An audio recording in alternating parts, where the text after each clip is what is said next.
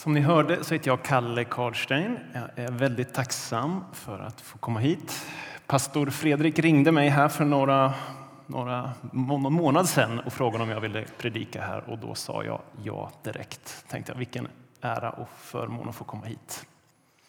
Jag är med i Johanneskyrkan som jag, eh, kan man säga för länge sedan, för 20 år sedan ungefär, så var det ju Ryttargårdskyrkan eller Filadelfiakyrkan som det hette på den tiden som var med och planterade en ny församling i Linköping. Så där är jag med. Jag är på något sätt en del av er frukt. Till vardags jobbar jag på universitetet och med bibelstudier kan man väl kanske säga det lite förenklat. Så det är jag, om ni undrar vem den knasiga knasbollen som står här framme, det är jag. Nu ska vi börja och vi kan väl be först innan vi drar igång. Herre, tack för ditt ord. Tack för att du talar till oss genom de här gamla texterna från flera hundra år sedan, till och med tusen år sedan. Och herre, jag ber att du ska låta mig få vara ett redskap för vad du vill säga till oss idag. Vi ber om det i Faderns, Sonens och den helige Andes namn. Amen. Saliga de ödmjuka. De ska ärva landet. Saliga de ödmjuka. Hur låter det? Vad Jesus säger är ungefär det här. Vi möter Gud på botten när vi själva kliver ner från tronen eller när motgångar kastar oss ner. Och där nere ärver vi det goda livet.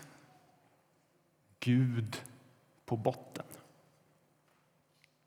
Det här budskapet var små, svårsmält redan på Jesu tid.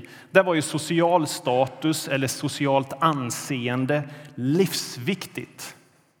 Ingen karriär utan heder. Det sociala skyddsnätet byggde på att man hade en god ställning i gemenskapen, annars så blev man ofta utstött. Problemet var ju då att heder eller det här social status ansågs vara ett nollsummespel. Vann du heder förlorade jag. Och vad blir det en sån konfliktkultur? Jo, människor tuppar sig. Och Det här märker man lite i evangelierna när Jesus möter olika personer och har en slags ordstrid med dem. Nästan märker man det här. Vem ska vinna? Ingen vill ju förlora ansiktet. Och inte bara det. Det, här, det blev ett slags klättrande som skördade rätt många offer. Och I en sån här hederskultur så ville ingen förlora social status. Att möta Gud på botten var ett radikalt budskap. Och samtidigt, då, om man var israelit, så fanns det ju det här med ödmjukhet i det bibliska arvet. Och frågan är om inte också vi idag är åtminstone lite rädda att kliva ner från våra troner. Vad menar jag? Ja, det är ju lätt att se hur världen drivs av styrka, rikedom och makt. Trump på ena sidan, Putin på andra. De tuppar sig och det är maktspel och det ena med det andra. Diverse företag roffar åt sig på andras bekostnad. Och vi lever, om vi talar om oss i västvärlden som ett kollektiv, vi lever över våra begränsningar och, kok, och klotet håller på att koka över. Dras vi med i allt det här och undrar när det väl kommer till kritan om det är värt att kliva ner från tronen. Det är ju inte så att någon bestämmer sig bara, nu ska jag bli högmodig, och så går man. Utan det är så små steg, ofta omedvetna och ibland också att man nästan viljelöst dras med. Och då börjar vi ställa sådana här frågor. Varför ska jag tänka på min mindre på min egen rikedom om inte den och den och den gör det? Varför ska jag göra det där lilla extra när Andersson och Pettersson och Lundström är på Rom-weekend? Varför ska jag? Men tänk om det är så att den som kliver ner finner Gud medan vi andra sätter oss själva i centrum och undrar varför Gud känns långt borta. Tänk om de ödmjuka finner allt det där som vi söker uppe, där uppe bland de snygga, rika och starka och finner, och de finner mycket mer därtill. Gud på botten. Kan det här verkligen stämma? Finns verkligen Gud på botten? Låt oss se lite närmare på vad Jesus säger i den här saligprisningen och låt oss börja med det gamla ordet salig. Vilket fantastiskt ord. Här är min första punkt idag. Vad menas med salig? Ibland läser vi saligprisningarna i bergspredikan som om de beskriver vilka Gud gillar och godkänner och därmed välsignar. Om det är så, det vore ju, då vore det kört för oss, åtminstone för mig. Jag är varken ödmjuk, renhjärtad eller barmhärtig. Inte håller jag alltid fred heller. Hur är det med dig? Vad är då poängen om det inte är så att, att, att göra en lista i de här saligprisningarna som, som vi har fått se här att vi, att liksom vi predikar här i församlingen under sommaren? Om det inte är liksom att göra en lista av de godkända. Vad är då Jesu poäng när han brister ut? Salig de ödmjuka, saliga och så vidare. Jo, saligprisningarna de målar upp en vision om det underbara livets skönhet, det goda livet. De inbjuder oss att bli, le, bli del av det här livet, att leva tillsammans på det här sättet. Och de antyder också ett hopp om att det är just den här politiken eller det här sättet att leva tillsammans som är Guds svar på en fallen värld. Saligprisningarna visar vad det innebär att vara sann mänsklighet och de inbjuder oss att lära oss leva det här livet, att ta emot det som en gåva. Om du vill bli lycklig, för det är ungefär vad salig betyder. Om du vill bli lycklig, haka på äventyret som det är att vara lokal församling och global kyrka. Alltså, salig, den ger vision, den ger en inbjudan och det ger ett hopp. Nu kanske vi behöver förtydliga två saker här. Lycka eller salighet är inte en tillfällig känsla, inte en sån där kortvarig kick. I Guds rike kan vi vara saliga eller lyckliga både när vi känner djup ångest eller lider mycket och när allting bara flyter på och är härligt. Varför är det så? Jo, lycka eller salighet är nämligen att börja leva det underbara livets skönhet i gemenskap med andra i vetskapen om att Jesus är med oss. Lycka det är att sitta här inne i kapellet före gudstjänsten och höra människor be i vetskapen att Jesus är med oss. Lycka är att komma till gudstjänst, möta varandra och möta Gud. Men vad då Jesus är med oss? Vad betyder det? Att han är med oss. Vad betyder det? Ja, visst är det så att Jesus jobbar eller arbetar för oss. Han gör saker vi inte klarar av, ungefär när jag går till läkaren och behöver få hjälp med någonting. Visst är det så att han också arbetar med oss, ungefär som en mamma som får hjälp av sin lille son. Det är inte alltid så att hjälpen är så välriktad, men det är kul att jobba ihop. Men grunden för det Jesus gör för oss är på något sätt det här varandet med oss. Om Jesus skulle gå förbi de här två killarna eller herrarna som sitter här utanför, eh, EU-migranter eller tiggare som vi brukar säga, så tror jag inte att han skulle stå upp och liksom ge en slant ner ungefär så där som jag gör, i bästa fall. Liksom som de här människorna är problem att lösa. Jag tror han skulle sätta sig ner, se dem i ögonen och vara med dem. Och lycka är att Jesus säger ungefär så här. Det är innebörden i det här att han är med oss. Mitt älskade barn, jag är här. Vi börjar här. Du är inte ett problem som ska lösas. För en tid sedan, när mina framtidsdrömmar hade gått rejält i kras på grund av sjukdom i familjen, så var Gud nådefull att att ge mig den här insikten i ganska omskakande erfarenhet. Det finns ju såna här andliga vägledare som ni kanske känner till, eh, som man kan gå till och, och, så får man ofta lite övningar och, och gör det här hemma. Och så. Då fick jag en sån övning. Jag skulle gå in på rum, eller på mitt rum eh, och så ska jag föreställa mig att Jesus kom in.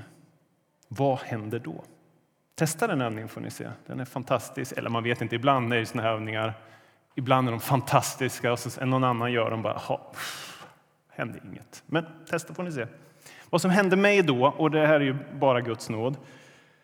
Jag upplever att Jesus kommer in på rummet, och nu kommer ni ihåg att det är liksom kris i mitt liv här. Jag upplever att Jesus kommer in på rummet, han sätter sig ner vid mig och håller min hand, sitter tyst där. Och jag längtade efter att han skulle komma och lösa alla mina problem. Och han sätter sig håller min hand och bara är med mig. Som om han sa livet kan gå åt helvete på alla möjliga sätt, men jag är alltid där. Det är den närvaron som är vår lycka. Och Det är därför lycka inte är en kortvarig kick utan någonting som är med oss i glädje och i sorg. En andra sak som behöver förtydligas. Du hörde rätt att jag använde ordet politik förut. Det kanske är lite konstigt. Men jag tänker att saligprisningar är en vision om en annan sorts politik och inte en uppmaning till dig och mig att vara någon slags moraliska hjältar som behärskar både den ena och den andra andliga extremsporten. Politik handlar nämligen om, om att forma ett gemensamt liv. Politik pågår just nu, här. Det handlar om att komma överens, fördela resurser, lösa problem, leva tillsammans. Partipolitiker gör det här på nationell nivå, men politik finns överallt och på alla nivåer. Även församlingen är som sagt en politik och kanske den viktigaste politiken. Och alternativet till politik är våld. Om vi inte löser problem, vad kvarstår då? Manipulation, härskartekniker och ytterst våld. Så det andra förtydligande är att lycka handlar inte om den enskilda individens ena eller andra liksom prestationer, eller, utan att vi får bäras av kyrkans politik. Gemenskapen, praktikerna, det vi gör tillsammans. Där Jesus också är närvarande.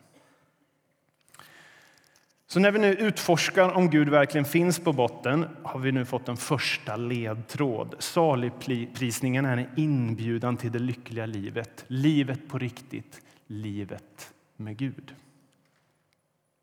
Hur ser då det här lyckliga livet ut enligt den här saligprisningen? Jo, den visar ju liksom en sida eh, av Guds politik eller av himmelriket, nämligen ödmjukheten. Och det är min andra punkt. Vad är då ödmjukhet? En sak är klar. Ödmjuk, ödmjukhet är högmodets motsats. Och nu slänger vi oss med lite så här gamla ord, högmod. Jag ska förklara vad det är. Det är lätt att uppfatta högmod i uppblåsta och uppstudsiga unga män. Ja, ofta unga, ofta män. Det slog mig när jag satt här inne i, ännu, än en gång här inne i kapellet. Det slog mig hur fattig den församling är som jag eh, tillhör. Det är nämligen så att i den församlingen kan jag lätt räkna på ena handen människor över 65 år i pensionsåldern. Så tänkte jag när jag satt här inne. Är det inte ofta de äldre damerna, om jag får uttrycka det så, som har burit församlingen i bön? Är det inte så att den här Johanneskyrkan, är ut, eller planteringen från Ryttargårdskyrkan för många herrans år sedan är en frukt av de här äldre damernas böner? Ja, inte är det jag som har suttit där och, och bett och svettats. Det är dem. Och vi då, om jag får kalla mig ung, eh, när jag är på universitetet och säger så här, har ni läst den där och den där? Då säger de alltid till mig så här, Kalle, min mamma läser de där böckerna. Så att jag, liksom, jag är uppenbarligen inte ung längre. Men jag får väl sälla mig till de här unga, uppstudsiga männen, högmodiga männen. Vi har en tendens att tro att vi är alltings centrum på ett eller annat sätt. Och då brukar jag, när jag, när jag tänker på det så kommer jag liksom att tänka på den här videon som blev så populär på internet för kanske tio år sedan. Eller vad Det var Det var en engelsklärare som håller tal till sina elever som tar studenten. De sitter där finklädda och så håller så här avskedstal, eller vad man ska kalla det. Och då säger han så här, nu kommer jag säga det på engelska så får ni en snabb översättning sen. Your planet, I'll remind you, is not the center of its solar system. Your solar system is not the center of its galaxy. Your galaxy is not the center of the universe. In fact, astrophysicists assure us the universe has no center. Therefore, you cannot be it. Snabb översättning. Universum har inget centrum och det betyder att inte heller du kan vara det centrumet. Och vad handlar det om då, om vi nu talar om högmod? Att sätta sig själv i centrum, att människan är i centrum. Vad är det för någonting? Ja, kanske kan vi kalla det för självtillräcklighet. Jag behöver ingen annan. Styrkan och framtiden finns i mig. Hoppet står till människans makt och kompetens. I en känd liknelse från Lukas evangeliet så definierar Jesus högmod ungefär så här. Att ytterst förlita sig på sig själv och där uppifrån se ner på andra. Det är högmod. Motsatsen till ödmjukhet. Men vi ska också komma ihåg att högmod, högmod finns också bland andra än de här kaxiga unga männen. Du kanske någon gång har tänkt så här. Jag är så fruktansvärt dålig. Vad ska man ha mig till? Jag duger inte till. Och de av oss som har levt ett tag och mött motgångar har säkert hamnat i det här självföraktsdiket och hamnat i självömkan. Och om du brottas med det här just nu, då kan jag bara säga så här, välkommen i klubben. Det finns många av oss som har varit där och det finns hjälp att få. Det är nämligen inte så härligt att vara i det där självföraktiket. Men, och det här kanske är lite jobbigt att höra, självförakt är också högmod. Men en väldigt subtil form av högmod. Varför då? Jo, även i självföraktiket så är det som att vi hävdar att allt, lycka och sånt, handlar om min insats, att jag duger till, handlar om mitt utseende och min kompetens. Fast nu rör det sig inte om en slags övertro på sig själv utan en undertro på sig själv, men lika fullt mig själv. Det är som om Guds kärlek inte är nog. än en gång, om du är där, är väldigt förståeligt. Har du någon gång haft svårt att acceptera att livet inte blev som du tänkt? Det har jag. Och än en gång, då för att hänvisa till den här krisen som jag gick igenom, eller i viss mån fortfarande är i. Och brottas med detta så får jag bara än en gång säga välkommen i klubben, det finns hjälp att få. Men även det här är en subtil form av högmod. Även på liksom livets skuggsida så frodas högmodet. Det är lite konstigt, men jobbigt och jobbigt att höra. Och varför då? då? Jo, om jag vägrar acceptera livet som det blir är väl någonstans det här att jag inte accepterar att jag inte har kontrollen över det som sker. Hör nu inte att jag säger att, det, att vi ska söka någon slags mening i allt som händer. Det är en villolära och en riktigt, riktigt farlig villolära. Det finns inte mening i allt som händer. Framförallt inte i lidande. Vad jag säger är snarare detta. När vi inte accepterar att livet blev som det blev är det som att vi sätter vårt yttersta hopp till vår egen plan, våra egna drömmar och våra egna förväntningar. Men tänk om livet kan bli vackert, fast annorlunda. Just eftersom att Jesus är med oss vad som än händer. Och om du någon gång varit lite på skuggsidan av livet, mått dåligt, haft ångest, kämpat så är det ju inte helt enkelt att bli bitter heller, tro mig. Jag vet även detta, jag har varit här och glassat i det här diket också. Och när man blir bitter är det lätt också att se ner på andra. Du borde ha sett mig. Du borde ha. Och då får man ju fråga sig lite, tänk om det är så att människor ofta försöker så gott de kan. Om nu det är så att ödmjukhet är motsatsen till högmod, högmod då handlar ödmjukhet om detta. Och nu får ni spetsa öronen, för nu kommer ödmjukhetsdefinitionen här. Ödmjukhet handlar om att luta hela sin livstyngd mot Gud och mot en gemenskap där Gud är närvarande. Och se upp till andra och sätta andra högre än sig själv. För att låna några ord från Filipperbrevet. Ödmjuk är att sätta det yttersta hoppet till Gud och inte till människans egen styrka, förmåga, kompetens eller rikedom.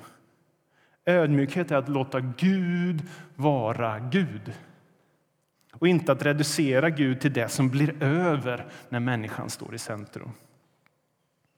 Och ödmjukheten den drivs av en väldigt stark vetskap eller stark övertygelse om att vi blir oss själva. Vi blir sanna människor i djupt beroende.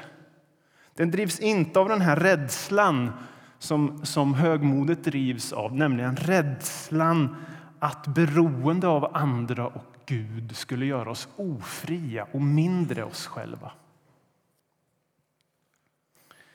Eller som Paulus uttrycker det lite hur ska jag uttrycka det, spetsigt.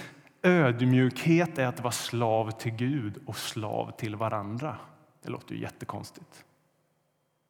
Han säger det. Och även Jesus i Matteus kapitel 11, Matteus evangeliet kapitel 11 talar just om det här. Ödmjukhet som ett slags slaveri, att bära ett slavok. Han säger så här. Kom till mig, alla ni som är tyngda av bördor. Jag ska skänka er vila ta på er mitt slavok och lär av mig som har ett milt och ödmjukt hjärta. Så ska ni finna vila för er själ. Mitt ok är skonsamt och min börda är lätt. Märkligt nog så handlar ödmjukhet om att vila och släppa de bördor som tynger oss. Ödmjukhet är friheten att vara människa och låta Gud vara Gud. Och i själva verket då så har Jesus visat oss ödmjuk, ödmjukhetens väg när han gick korsets väg. Han använde inte sin höga gudomliga status för att vinna egen fördel utan han gav sig helt och fullt till oss och för oss. Observera här, nu har jag pratat om ödmjukhet ganska länge. Ödmjukhet är inte att vara en dörrmatta. Det är ett vanligt missförstånd att man ska lägga sig platt. En ödmjuk person, skulle jag vilja hävda, har en robust integritet. Och att säga nej är mycket ödmjukt. Glöm inte det. Så om vi ska runda av och sammanfatta just vad ödmjukhet, den andra punkten då. Ödmjukhet är att ge upp tanken på att vårt hopp finns i människans styrka, kompetens och rikedom och låta Gud vara Gud. Där finns lyckan att möta Gud på botten. Varför ska vi då vara ödmjuka? Är det för att Gud blir stött om vi inte fogar oss?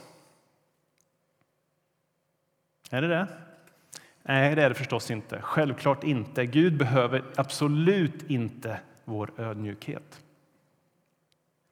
Eh, som en teolog har uttryckt det, och nu citerar jag på engelska för det här är en av mina favoritcitat. Jag måste, jag måste få in det i varje predikan nästan. God is sublimely and eternally happy to be God. Det betyder ungefär så här. Gud är fullkomligt och evigt glad att vara Gud. Gud är liksom tillräcklig i sig själv, bara happy clappy och behöver inte varken det ena eller andra från oss. Men om det är så då att Gud inte behöver vår ödmjukhet, varför ska vi vara ödmjuka? Och här kommer vi in på den här andra delen i dagens saligprisning, nämligen det här med att ärva landet. Om man tittar i den grekiska texten så står det mer ordagrant Saliga de ödmjuka eftersom de ska ärva landet. Det här eftersom är lite intressant. Vad betyder det? Jo, det betyder att den grekiska texten markerar tydligt att orsaken till att de ödmjuka är saliga eller lyckliga är just att de ska ärva det här landet. Och här kommer min tredje punkt, lite kortare än den andra. Vad då är ärva landet och vad, vad har det med att vi ska vara ödmjuka att göra? Jo, först lite kort då. Det här med landet. Ordet som används här, ärva landet, det kan betyda både land och det kan betyda värld, alltså hela skapelsen. Och det är som att Jesus verkar använda den här tanken från Gamla testamentet, jag vet inte om du känner till den, att Guds folk skulle få det här heliga landet som vi idag kallar Israel och Palestina, som en gåva. Och de, de blev, gick ut ur Egypten och var på väg emot det landet och fick det till slut. Och sen förlorar de det från och till i lite olika omgångar kan vi säga.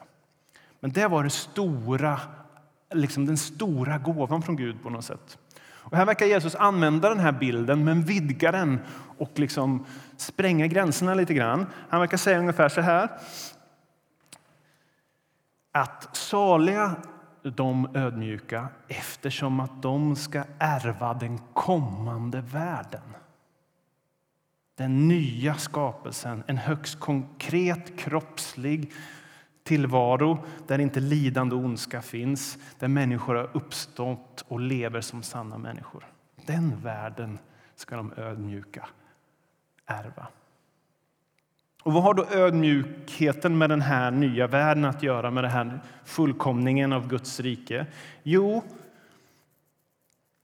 vad det handlar om det är att den ödmjuke erkänner sitt behov av Gud och tar därför emot den stora gåvan från Gud.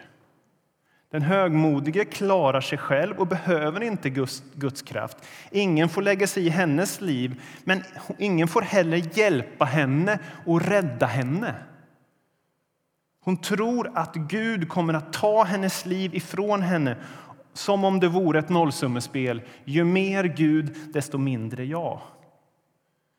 Den ödmjuke eller ödmjuka är lycklig eftersom hon tar emot det underbara livet från Gud. I dess fullhet, Ytterst uppståndelselivet då i den nya skapelsen. Hon vet att desto mer Gud, desto mer sannare människa blir jag. Det är verkligen någonting att fundera på. Ju mer Gud, desto mer sannare människa blir jag. Om jag nu ska avsluta här. Vi har utforskat om Gud verkligen finns på botten och varför de ödmjuka skulle vara lyckliga. Eller varför, för att koppla an till seriens titel, varför vägen till glädje är ödmjukhet. Om jag ska sammanfatta skulle vi kanske kunna säga så här. Du och jag möter Gud på botten när vi kliver ner från våra små troner eller kastas ner från dem på grund av motgångar. Och där nere finner vi allt det där som vi söker där uppe bland de snygga, rika och starka. Och mycket, mycket mer därtill. Saliga de ödmjuka. De ska ärva den kommande världen. Om det är så, om texten verkligen säger det här då står vi inför ett evangelium, alltså en glad nyhet och en utmaning. Universums centrum är inte du och jag.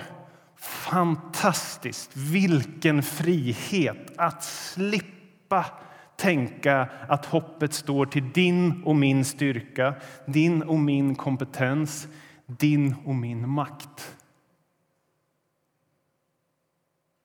För vet ni, Gud vill ge oss precis allt.